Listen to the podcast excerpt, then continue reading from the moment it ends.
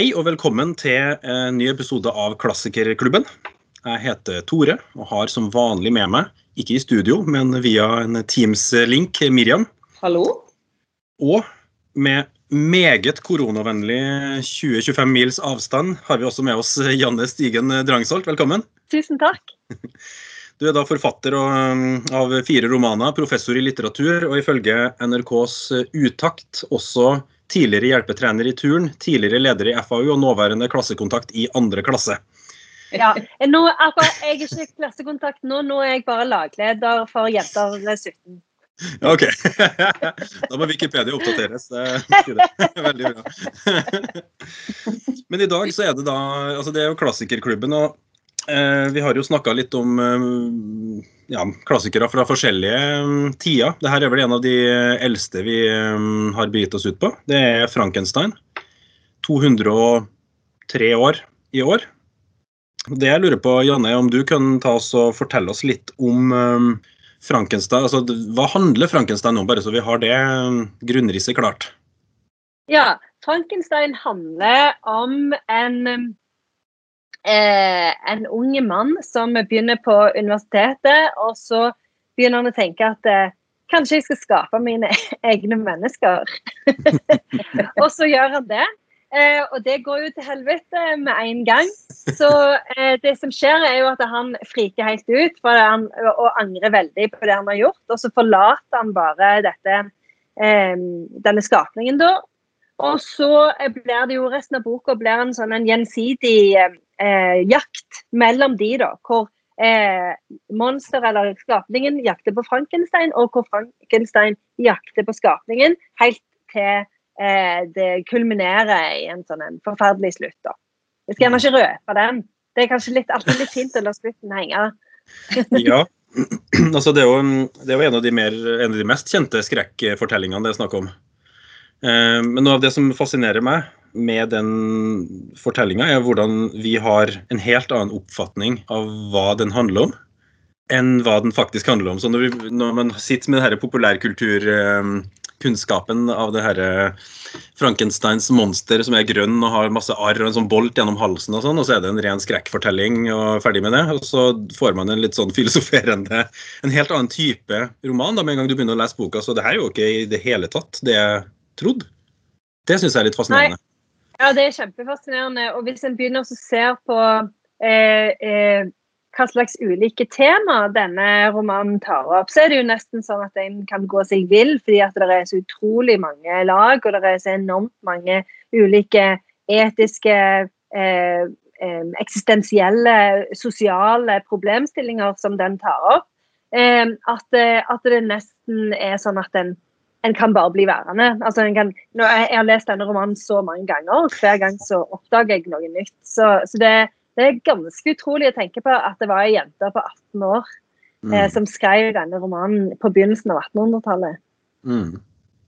Jeg har lest uh, litt av forfatteren Rebecca Solnit, hun amerikanske essayisten. og Hun skriver et sted om uh, Frankenstein at den har en sånn babusjka, uh, skrevet etter en babusjka-modell som er disse her russiske lag-på-lag-dokkene. Eh, for det er jo også en sånn eh, overraskelse hvis man aldri har lest Frankenstein før, men bare har disse bildene av det grønne monsteret med bolt gjennom halsen i hodet. Så er jo dette også sånn litterært en sånn eh, kinesisk eske eller babusjka eller sånn lag-på-lag-roman hvor det er så mange mennesker som gjenforteller historier til hverandre. Så du har liksom fortellinger om en um, vitenskapsmann som sitter fast på en båt i isødet, som igjen snakker med Viktor Frankenstein, og så skriver han brev til sin søster.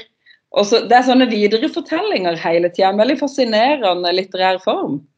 Mm. Ja, og det òg er jo veldig interessant, fordi at det, nå er vi jo eh, i eh, Altså, Vi er jo i romanens første år. Det var jo en, en sjanger som var begynt å bli veldig populær, men som som var eh, fremdeles veldig sånn eh, Folk var veldig negative til eh, romanen som litterær sjanger og var veldig redd for hva den kunne føre til. Kanskje liksom folk bare begynte å drepe hverandre hvis de leste for mange romaner. Eh, og, og, og, og, det var jo òg en, en, en, sjanger som Ja, som, som, ble sett på som liksom datidens eh, Netflix, eller enda verre, da. At det liksom egentlig Du fikk ikke noe, in, altså noe sånn input av å lese en roman. Og, da, og det at det liksom i tillegg til eh, at, det, at, romanen så å si nettopp har blitt funnet på, treffer en roman som er så utrolig avansert, sånn som du sier, med dette her kinesisk eske-mønsteret, eh, og òg med For det som konsekvensen av denne strukturen er jo òg at en, en, får fortellere som en skjønner er upålitelige. Og det er jo en sånn, en, jo en, sånn en, en, teknikk som en gjerne tenker på eh, når en tenker på gjerne sånn Gillian Flynn eller liksom moderne mm. krimlitteratur. Men, men, dette var jo noe som, som eh, Mary Shelley brukte allerede på begynnelsen av 1800-tallet. hvor du liksom, for du, du, får jo liksom, du får forskjellige versjoner. Og så blir du som leser klar over at å ja, men men det var ikke liksom eh, jeg har, eh, Kanskje det han ikke fortalte sannheten. Kanskje han bare prøvde å sette seg selv i et godt lys. Kanskje sannheten er å finne et annet sted. Og så skjønner du jo etter hvert at det, ja, men det er jo ingen som sitter med sannheten. Sannheten er jo å finne liksom midt mellom alle disse subjektive fortellingene. Så, så ja, så det, det, er utrolig gøy eh, med, med, denne her altså Selv bare snakke om strukturen kunne vi jo snakket om i to dager. men vi kan jo si bare veldig kort at eh, det er altså denne her eh, vitenskapsmannen ute i isødet som helt liksom Det er helt absurd egentlig for han, for det er jo bare is og um, ingen vegetasjon eller levende liv i noen som helst nærhet, og så plutselig dukker det opp en mann allikevel. Og det er jo litt sånn der, Han redder han om bord i skipet sitt, og så begynner fortellinga. Og eh, når en vet hvordan denne eh, romanen ble til, eller fortellinga ble til, så kan det kanskje også minne litt om det. For det, eh, Hvis vi googler Mary Shelley kjapt, så kommer jo Frankenstein opp, og da står det at eh, den ble til i en sånn eh, forteller, fortellerkonkurranse rundt bålet, omtrent, får man følelsen av. Eh, kan du si litt om det, Janne? Ja, for det er jo helt eh, riktig. og det er jo også Altså, denne romanen, det er, liksom, det er ikke måte på. Det er til og med gøye anekdoter. Så, det var jo Mary eh, Shelley og Percy Shelley som var på reise. Og så var de selvfølgelig og besøkte lord Byron, for det var jo sånt de drev med på den tida. Og så bodde de i et sånt et uh, herskapshus, eller jeg vet ikke om det var det, men det er i hvert fall sånn jeg ser for meg det. Men de bodde i hvert fall i et hus i Sveits da. Men så var det så utrolig kaldt, så de kunne jo ikke gå ut. Eh, så de var inne, og så lagde de en sånn konkurranse da, eh, om eh, hvem kunne lage den skumleste fortellingen.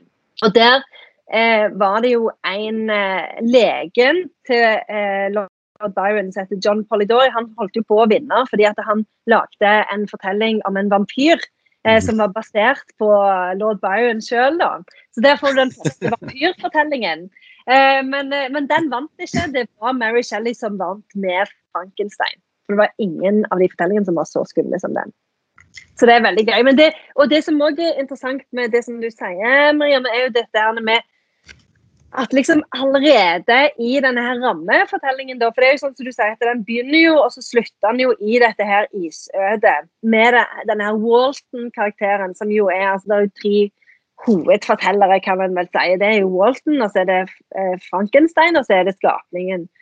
Eh, og allerede i denne her rammefortellingen i dette isødet, så er det jo sånn at da skjønner en jo allerede hva som er temaet, eller hva som er et av temaene som denne romanen tar opp, som jo er menneskets kunnskapstørst. da. Eh, og hvordan denne tørsten etter kunnskap må balanseres, for hvis ikke så fører han oss rett ut i eh, fortapelsen.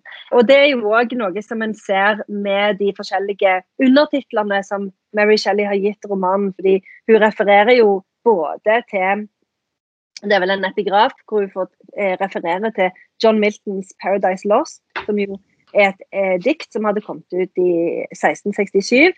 Og så refererer hun til eh, myten om Prometheus. Og begge disse to handler jo om syndefallet, egentlig. da. For det, det som skjer i eh, hagen, er jo selvfølgelig at eh, Adam og Eva eh, spiser av kunnskapens tre, og så blir de forvist fra hagen. Så det, det er jo liksom det kunnskapstørsten til menneskene fører til det verste som kan skje. Og så er det jo Prometheus, hvor Prometheus syns så synd på menneskene at han gir ilden til menneskene eh, som jo symboliserer kunnskap. Eh, og så eh, Da går det jo litt bedre for eh, menneskene, for de slipper jo å bo i mørke og kulde og uten eh, egentlig noen form for glede eller trygghet. Men, men for Prometheus så går det jo veldig ille, for han ble jo eh, festa til et eh, fjell og ble dømt til at en ørn kommer og hakker ut eh, innvollene hans hver dag. da.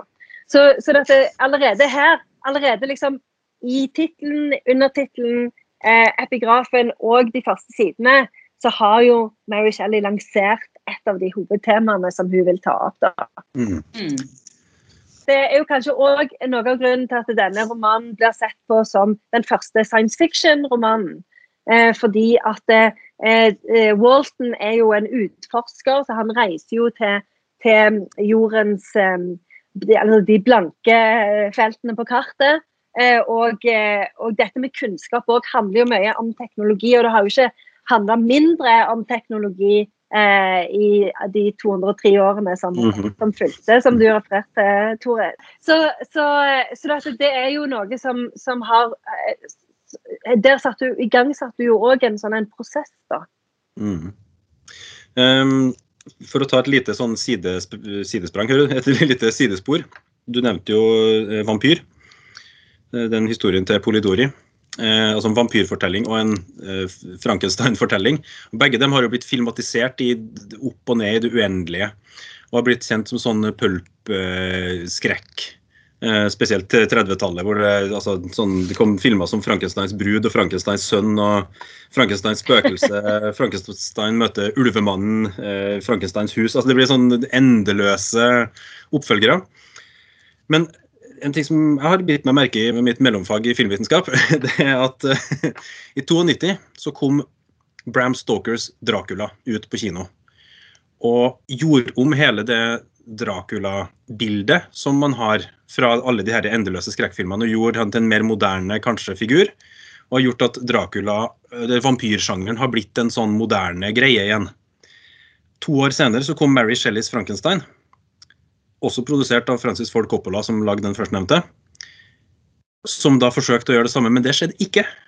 Fortsatt er Frankenstein bare en sånn sjablongaktig figur som, har, så, altså, som ikke har noe dybde, da, for oss. Selv om det altså, hva, er som, hva, er det som gjør det? Altså, for jeg tenker at Hvis du sammenligner de to skrekkfortellingene, så er det kanskje nettopp Frankensteins uh, historie som er mest aktuell for oss i dag.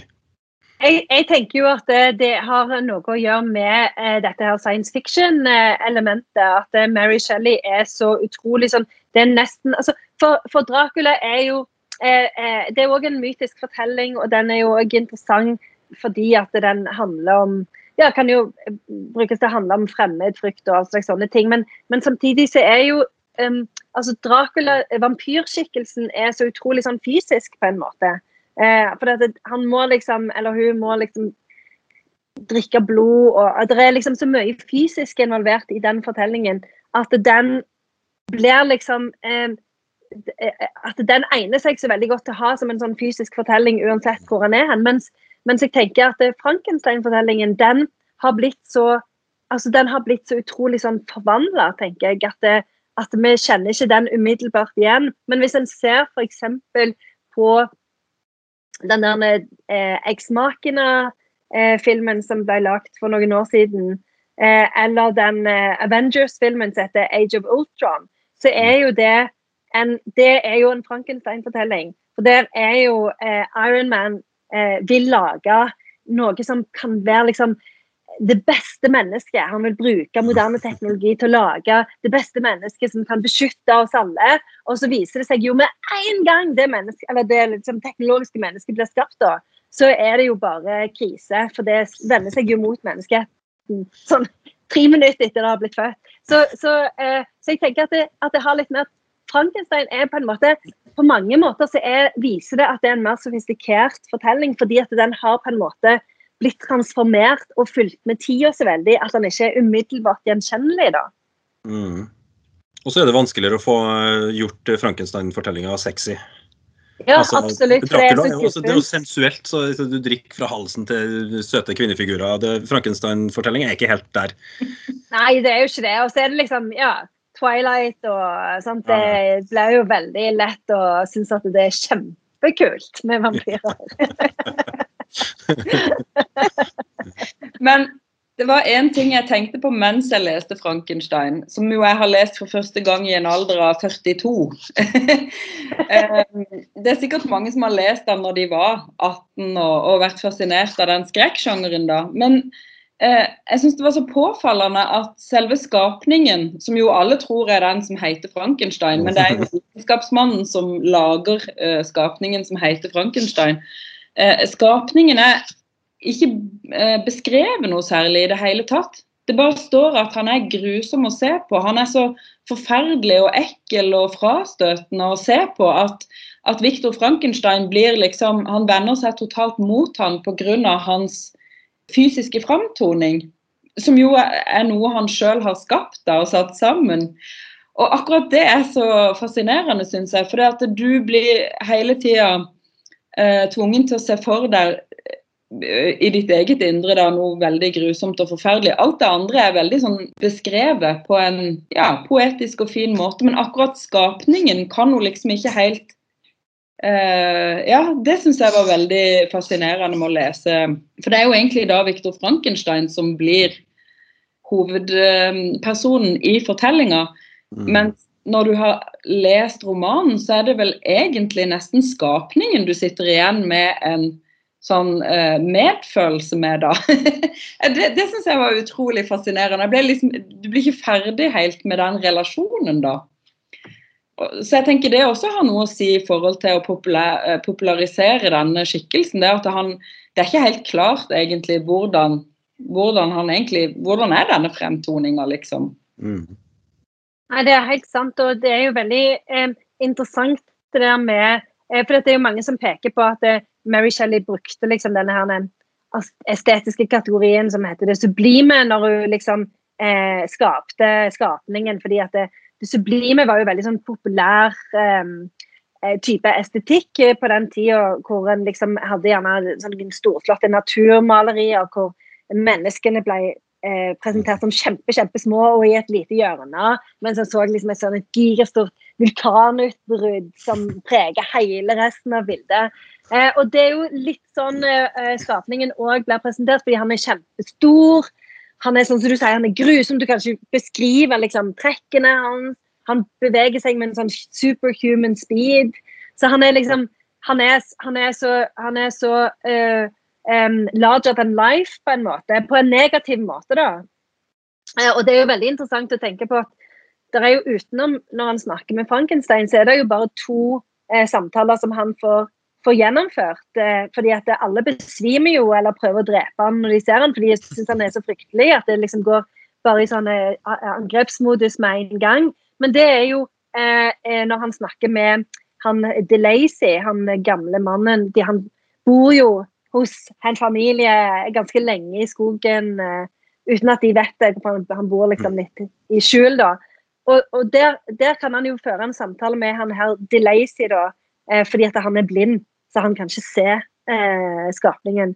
Og så er det jo en eh, scene på slutten hvor han snakker med Walton, da han utforskeren, hvor Walton sin første innskytelse er å flykte fordi han, det er så grusomt. Men så holder han seg for øynene eller lukker øynene, eller noe sånt, og da klarer han på en måte å, å komme over eh, denne følelsen, og så klarer han å sette seg ned eh, og snakke med han. Og, og det er jo veldig interessant, fordi Um, sånn så det er jo spesielt En del sånn feministisk litteratur på 70-tallet har jo pekt på at det Mary Shelley gjør i denne romanen, er jo òg at hun, hun lager monstre som sånn veldig fryktelig, men på en litt sånn ubeskrivelig måte på utsida. Og så beskriver hun innside som egentlig virker ganske sånn mild da, i utgangspunktet, og, og kunnskapstørst og, og, og, positiv, da.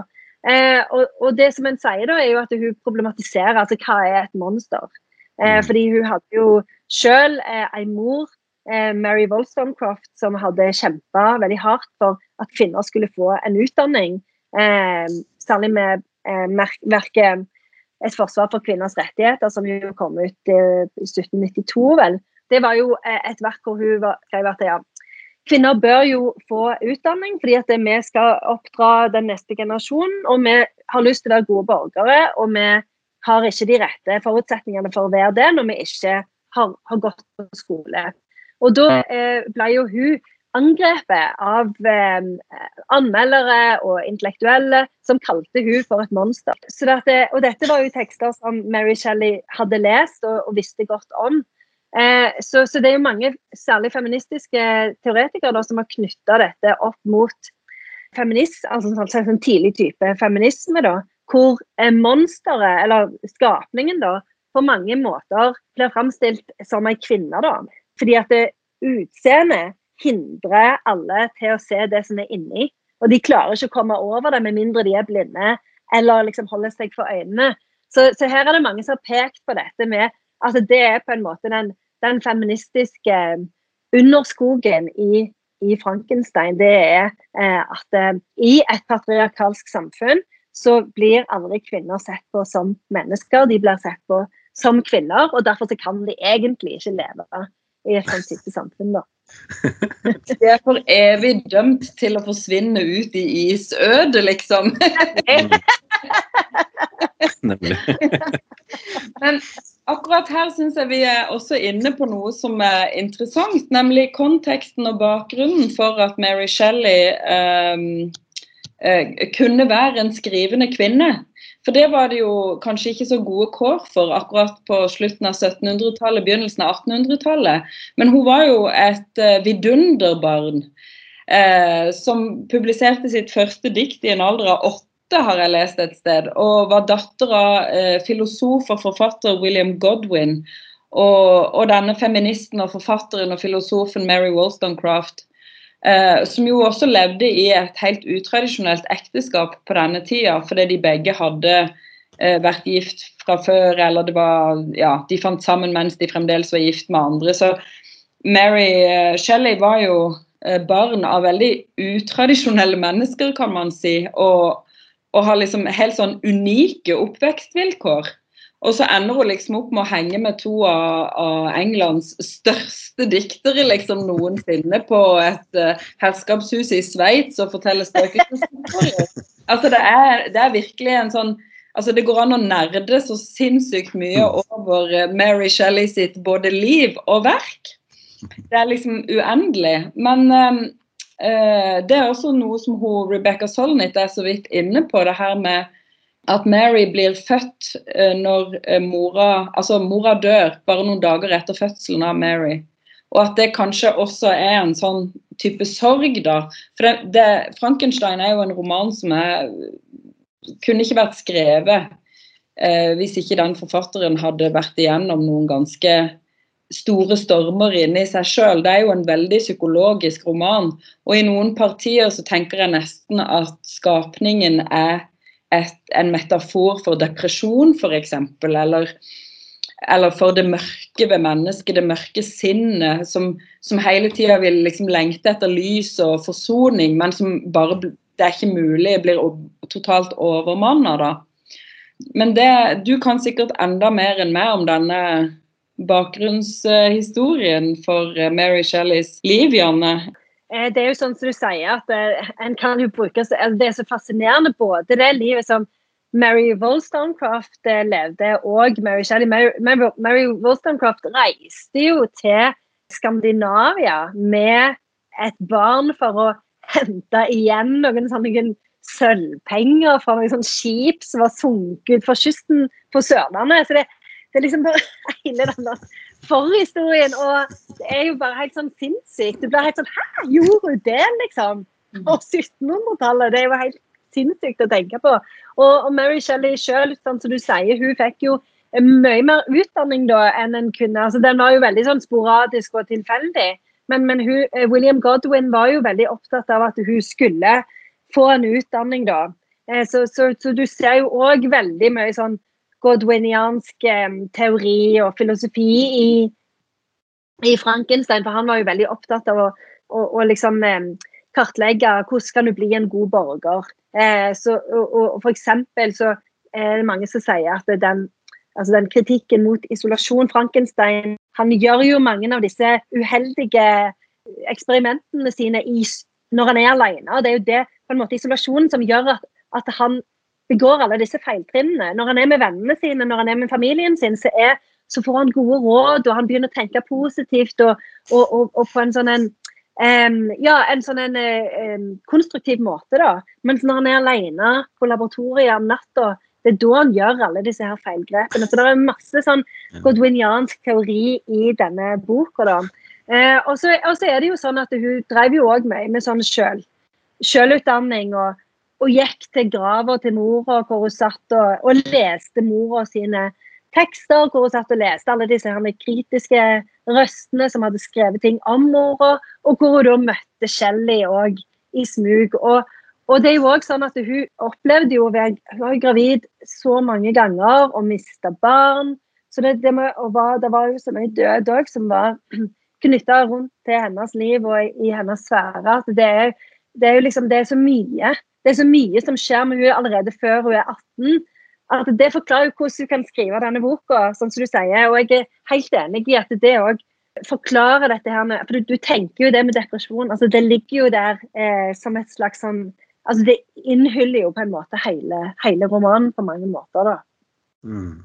Mm. Men, men den her eh, jenta på 16 år som stikker av med en kjæreste i midten av 20-årene og reiser Europa rundt, og hun er omgitt av død på alle kanter. altså Mora dør, han, Percy Shelley dør jo også ung, og det samme gjør lord Byron. De drukner jo begge to. Um, hun eh, har jo mista møydommen på sin mors grav, etter hva vi har skjønt. Altså det forteller spøkelseshistorier skriver denne historien om det misforståtte monsteret som alle ser utsida og ingen ser inni. ikke sant? Altså, er hun rett og slett en protogother? Eh, kan vi kalle det? Ja, eh, hun er jo på mange måter det. Og, og det er jo Altså, dette er jo òg den gotiske romanen var jo veldig veldig populær eh, på denne tida. Eh, eller han var jo hata òg, da. Det var jo mange som mente at det var i hvert fall, liksom. det var i hvert fall forfallet manifestert. Så, så, så, så, det er jo hun, hun, skrev jo i, i, forordet til den første utgaven så skrev hun jo at hun ville hva var det, det var, To awaken thrilling horror. Så hun, hun ville jo på en måte altså, dette er jo en, en, gotisk roman på veldig mange vis, eh, og bruker en del av de virkemidlene og, og sånne ting. da. Um, eh, og eh, Samtidig så, så, så, endrer hun på det, da, så hun gjør jo sin egen ting. Eh, eh sånn at hun F.eks. i den gotiske romanen så er jo standard plott plottlinja at en, en, sånn en greve gjerne følger etter ei jomfru. og så tar og dreper hun og gjør unevnelige ting. Eh, men her er det jo eh, to menn da, som forfølger hverandre, eller en mann og en skapning. Og de forfølger jo hverandre gjensidig, da. Eh, og, så har du jo òg dette her med at det, ofte er det jo et klaster hvor det foregår unevnelige ting. I, hos eh, Shelley er det laboratoriet, så du har den her teknologiske vrien. Og så er det jo incestmotiv, da, som det alltid er i, i sånne gotiske romaner. Alltid. Og det er jo på en måte her òg, fordi at du har jo denne her Elizabeth-skikkelsen som eh, Frankenstein skal gifte seg med, som er liksom My sister, but not sister. så hun er jo på en måte Det er jo et slags sånn skjult incestmotiv. Altså, hun er jo ikke søstera, men hun er, jo, hun er jo på en måte søstera likevel. Så, så, så, så, Mary Shelley hun liksom fornyer, fornyer jo um, denne gotiske romanen, da. Og gjør nye, spennende ting. Mer enn sånn at det, mange som sier at det er en sånn hybrid gotisk roman. Og den gotiske romanen er jo, den, det, er jo, det, er jo det som blir til science fiction-romanen etter hvert. da. Eh, så, så hun, det er en gotisk roman, og hun er en slags sånn tidlig goth i livsstilen. så det er liksom begge på begge nivåene, da. det er liksom eh, The Smiths og The Cure og den uh, individuelle livsstilen. Jeg leste et sted at uh, Mary Shelley var reservert av personlighet. Uh, og hun skrev sjøl i et eller annet brev til noen, jeg husker aldri hvor jeg har lest ting henne etterpå, men et eller annet om at uh, inni hjertet hos sitt så kunne det flamme, men at hun var liksom som is utenfor, da. Og det syns jeg også var litt sånn um, interessant, bare hvis um, man ser for seg at man skulle tolke eh, en kvinne som varm. Kanskje det er du som har skrevet om det et sted, Janne. Men, men det å, å, bruke Eller var det Rebecca Solnit? Jeg husker ikke hvor. men det at eh, veldig mange sånne personbeskrivelser er knytta til eh, kulde eller varme. da. Et varmt hjerte eller en iskald en kald skulder og sånne ting. Uh, så kanskje Mary Shelley sjøl ble oppfatta som en litt reservert og, og kald person. Og det er jo også skapningen. Den er liksom grusom og forferdelig og kald på utsida, men varm innvendig. Mm. Og um, medfølelsen man får med skapningen, kommer jo nettopp av det at man liksom ser at disse følelsene blir vekka i møte med andre mennesker, og så er det de menneskene som frastøter eh, mm. skapningen igjen. Og dermed oppstår hatet og raseriet og fortvilelsen, da. Eh, og det, det, er jo også sånn psykologisk motiv som er spennende. da, at Hvordan ditt ytre da kan bli oppfatta, og hvilke da for en kvinne, hvilke eh, på en måte, Hvordan du skulle oppføre deg, hvordan du skulle te deg og være. Og Mary Shelley var jo absolutt ikke en typisk kvinneskikkelse. Og det var ikke mora hennes heller. Så det var jo nesten ingen andre enn hun som kunne ha laga en sånn skapning, tenker jeg. Så ja, selv om det 70-tallsperspektivet med feminismen kanskje var litt dratt litt langt på en måte, så kanskje ikke allikevel.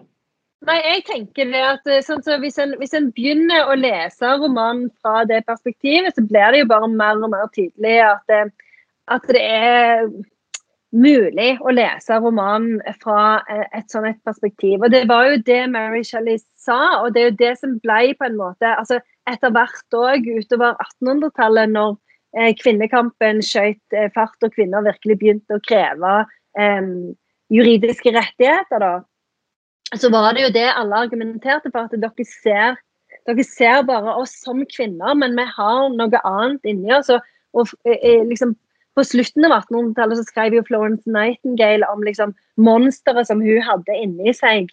Som på en måte hun hele tida var redd skulle bryte ut. Eh, fordi at hun eh, ble liksom så altså det, Hun måtte holde det så veldig skjult. Eh, og sitte og brodere hele dagen og spille piano. Eh, så, eh, og særlig eh, altså For dette her er jo tross alt snakk om Det er jo snakk om middelklassen, dette her.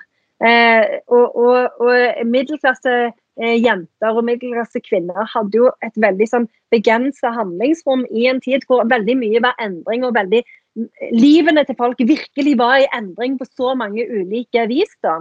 Men for kvinner så oppfatter en jo at det ble liksom stående helt stille, eller at det gjerne til og med gikk et skritt tilbake. da, fordi at det, en, en fikk jo ikke ta del i noen ting, en skulle bare være i huset og drive med helt sånn meningsløse sosiale visitter og, og, og sånne ting. da. Så dette, eh, og, og, det er jo helt crazy å tenke på at eh, Mary Shelley har skrevet denne romanen for dette etter hvert som romanen ble populær, så var det jo sånn at, kvinner, at det ble ekstremt begrensa hva kvinner kunne skrive om. Så dette, det tidspunktet er jo bare helt unikt. fordi at da eh, En kvinne kunne jo aldri ha skrevet en sånn en roman på eh, 18, rundt 1850 eller 1890. For da var jo eh, mye mye strengere hva kvinner kunne få lov til å skrive om. Men det er jo mange også som har tolka denne romanen ut fra et sånn marxistisk perspektiv, f.eks. at en tenker seg at det, eh, eh, altså Frankenstein sitter jo på alle produksjonsmidlene eh, og forventer liksom at, eh, at eh, skapningen bare skal liksom innordne seg hans regler og gjøre akkurat sånn som han vil. Eh, og skapningen sitter jo på ingen rettigheter. Og, så, så dette, det går jo òg an. Så, altså, det er jo det som er så fint, og det er det som vi tenker på. Sånn som det som du Tore, nevnte tidligere. Liksom, hvorfor har ikke den blitt filmatisert akkurat på denne måten? Og det mm. tenker jeg er jo fordi at den, den genererer så utrolig mye, og det er så legitimt å lese den på så mange ulike forskjellige typer vis. For nå sier du Miriam, liksom dette med det psykologiske og det indre versus det ytre. og dette er jo liksom 100 år før Freud kom ut med sin bok om drømmetydning. Så, så, det er liksom det er så enormt mye som skjer i denne romanen, og den kan tolkes på utrolig mange forskjellige vis og fremdeles gi mening. Mm. Så ja, så absolutt helt enig. Mm. Og så vil jeg bare tipse alle som um, har lest eller har tenkt å lese Frankenstein av Mary Shelley, om å etterpå google Mary Shelley, så de får opp det der um, portrettet av som sikkert henger i National uh, Portrait Gallery i London, hvor hun har et sånn der uh, Mona Lisa-smil. Ja. For der ser hun Der ser du liksom den der litt reserverte, men også knapt smilende, litt sånn forsiktige kvinnen. Som liksom skjuler et stort indre, ikke sant, som bare bugner over av ja, Mm. liv og lidelse og fortelling og alt. Altså det det syns jeg blir en veldig fin eh, avslutning når man har lest Frankenstein. Det å se på det bildet av Mary Shelley. Jeg er helt enig. Og så kanskje etter hvert til og med reise til London og gå på National Portrait Gallery og se det. Ja, det har vært Det fikk jeg lyst til. Ja. Det fikk vi lyst til. Men ehm, altså, Vi har nevnt Mary Shelley som, som ung forfatter, men hun, altså, hun fortsatte jo å skrive. Men hun, altså, vi huska jo bare for den boka. Det er jo ingenting av det andre hun har skrevet som vi Jeg, måtte jo, jeg ble jo litt overraska over å se at hun har faktisk gitt Hun ga ut flere ting. Hun var produktiv også. Er det sånn typisk debutanten som gir ut det geniale verket først i karrieren, og så kan ingenting annet noen gang måle seg med det, eller hva vet vi noe om grunnen til det? Jeg har ikke lest noen av de andre tekstene hennes, jeg heller. Eh, Men det har jeg egentlig tenkt å gjøre nå, tror jeg. Mm. Eh, Fordi jeg eh, leste et sted at det er jo faktisk Akkurat nå så, så, så hentes de andre tekstene hennes fram og, og, og blir lest, da. Sånn at det er jo ikke helt usannsynlig at det faktisk Den er jo så sjokkerende. den er jo liksom, Det er så mye sånn sprengkraft med eh, Frankenstein at den lar seg jo nesten ikke overse. Og, og det er jo veldig interessant. sånn Du kan jo ha liksom Altså Hvis du tenker på eh, pensumlister på universitetene. Du kan ha ei pensumliste med bare menn på, mens Mm. fremdeles se Mary Shelley sin Frankenstein. For det er en roman som du faktisk ikke kommer forbi. Den, den, den, den står seg så enormt bra. Um, og, og jeg husker jo at eh, første gangen jeg hørte om eh, Frankenstein, så visste jo ikke jeg at det var ei dame som hadde skrevet den eh, romanen der. Så det er liksom noe med at Jeg tror det har litt å gjøre med at kvinnelige forfattere på 1800-tallet får ofte bare én roman med i kanon. Selv om de, jeg tror det har litt med det å gjøre, faktisk. Det er jo litt sånn som Charlotte Bronte òg, at vi leser bare Jane Eyre. Nå hadde jo ikke hun tid å gi ut så enormt mye mer, da, for hun døde jo nesten med en gang. Eh, men, men, men likevel så er det liksom noe med at eh, vi har ikke plass til mer enn én. Det er Ja, så kanskje vi skal gjøre noe med det. Det tror jeg er på høy tid. Ja. Jeg er jo kanskje en sånn typisk leser som aldri ville ha plukka opp Frankenstein hvis ikke det var for at jeg inviterte Janne til å komme på klassikerklubben, og så valgte hun den. Eh, og jeg ble veldig overraska, for at Frankenstein for meg Jeg har også trodd at det var selve monsteret, og jeg har bare sett for meg denne klisjéfiguren fra populærkulturen. Men jeg hadde et veldig spennende møte med Mary Wollstonecraft for ett eller to år siden, da vi leste hos sine nordiske reisebrev i nettopp klassikerklubben. Og da leste jeg jo at hun var mammaen til Mary Shelley, som har skrevet Frankenstein. Så den lå på en måte litt sånn på lur for meg. Og så ble jeg veldig eh, fascinert av eh, både måten romanen er skrevet på, i denne her babusjka-formen med sånne lag på lag. Det syns jeg var kjempespennende å lese. Og jeg ble overraska over hvor Og det blir jeg alltid når jeg plukker opp en klassiker. Det kjennes så ufattelig mye mer aktuelt og moderne ut enn, jeg, enn man tenker. Åh, nå kommer det noe litt sånn treige og kjedelige gamle greier, og det, og det kommer til å bli så treigt å komme i gang. Og så har jeg jo lest Frankenstein på null komma niks, for du bare Du sluker han virkelig. Den er også en page-turner, liksom. Hmm. Og det var jeg ikke forberedt på, at den skulle virkelig holde liksom det der drivet totalt tvers igjennom teksten. Det er ikke noe stillstand eller pause, liksom, noe sted. Den er rett og slett kjempespennende på så mange plan. Jeg er helt enig. Jeg, jeg, jeg er helt enig med alt det du sa, Miriam. Og det er liksom jeg syns det er så interessant det der at en har det synet på eh, klassikere. For det er jo sånn som jeg òg tenker, liksom at åh, den er sikkert gørr. Og så bare begynner du, og så blir du helt drevet med. For ofte så er de jo ekstremt godt skrevet. sånn at du blir altså, Det er jo ikke bare det at de er interessante, eksperimentelle verk. Det er jo mye oftere det at det er en drivende, godt fortalt historie.